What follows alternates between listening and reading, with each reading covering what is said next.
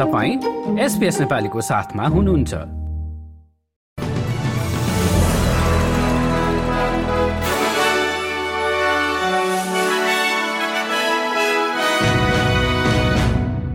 नमस्कार। आज सन् दुई हजार तेइस सेप्टेम्बर पच्चीस र दिन हो सोमबार।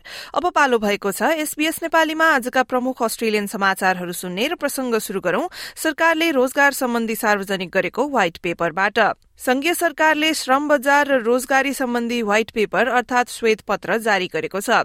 यसमा इन्कम सपोर्ट र पेन्सन प्रयोग गर्ने व्यक्तिहरूका लागि केही प्रतिबन्धहरू खुकुलो गर्नेसँगै नौवटा क्षेत्रमा ध्यान केन्द्रित गर्ने बताइएको छ। यता विपक्षी सरकारले भने थप मानिसहरूलाई आय सहयोग सेवा प्रयोग गर्न प्रोत्साहित गर्ने र पेन्सन पाउने व्यक्तिहरूलाई थप समयको लागि काम गर्न दिने विषयहरूमा सहमति जनाए तापनि सरकारको औद्योगिक नीति गलत रहेको जनाएको छ।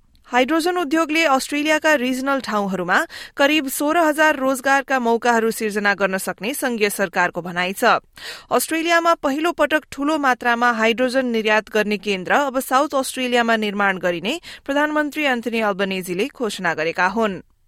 गृह मामिला विभागका सचिव माइक पेजुलो आफ्नो पदबाट हट्ने भएका छन्। पेजुलोले लिबरल पार्टीका एक वरिष्ठ सदस्य स्कट ब्रिग्सलाई पठाएका केही टेक्स्ट मेसेजहरू सार्वजनिक भएपछि त्यस विषयमा अनुसन्धान शुरू भएकाले उनको सो घोषणा आएको हो। क्वान्टसले नाफाको केही अंश आफ्ना ग्राहकहरूको विश्वास जित्न प्रयोग गर्ने बताएको छ। कन्ट्याक्ट सेन्टर तालिम फ्रिक्वेन्ट फ्लायर पोइन्ट पाउने थप सीटहरू निष्पक्षताका सम्बन्धी नीतिहरूको समीक्षा गरिने र उडानको क्रममा प्रदान गरिने खाद्य तथा पेय पदार्थमा सुधार गर्न थप आठ करोड़ डलर प्रयोग गर्ने विमान कम्पनीले बताएको हो। अब आजको खेलकुद समाचारमा रग्बीलाई जोड्दै अस्ट्रेलियाले रग्बी विश्वकपमा वेल्स विरूद्धको खेलमा चालिस छ अंकले हारेपछि अस्ट्रेलियन टोली वालबीजका प्रशिक्षक एडी जोन्सले समर्थकहरू समक्ष माफी मागेका छन्। अस्ट्रेलिया विश्वकपको क्वार्टर फाइनलमा नपुगेको यो पहिलो पटक हुनेछ भने टोलीको प्रदर्शनीको लागि आफूले पूर्ण जिम्मेवारी लिने जोन्सले फक्स स्पोर्ट्सलाई बताएका छन्। हस्त यसका साथ एसपीएस नेपालीबाट आजका प्रमुख समाचार यति नै। सुरक्षित रहनुहोस्। नमस्ते।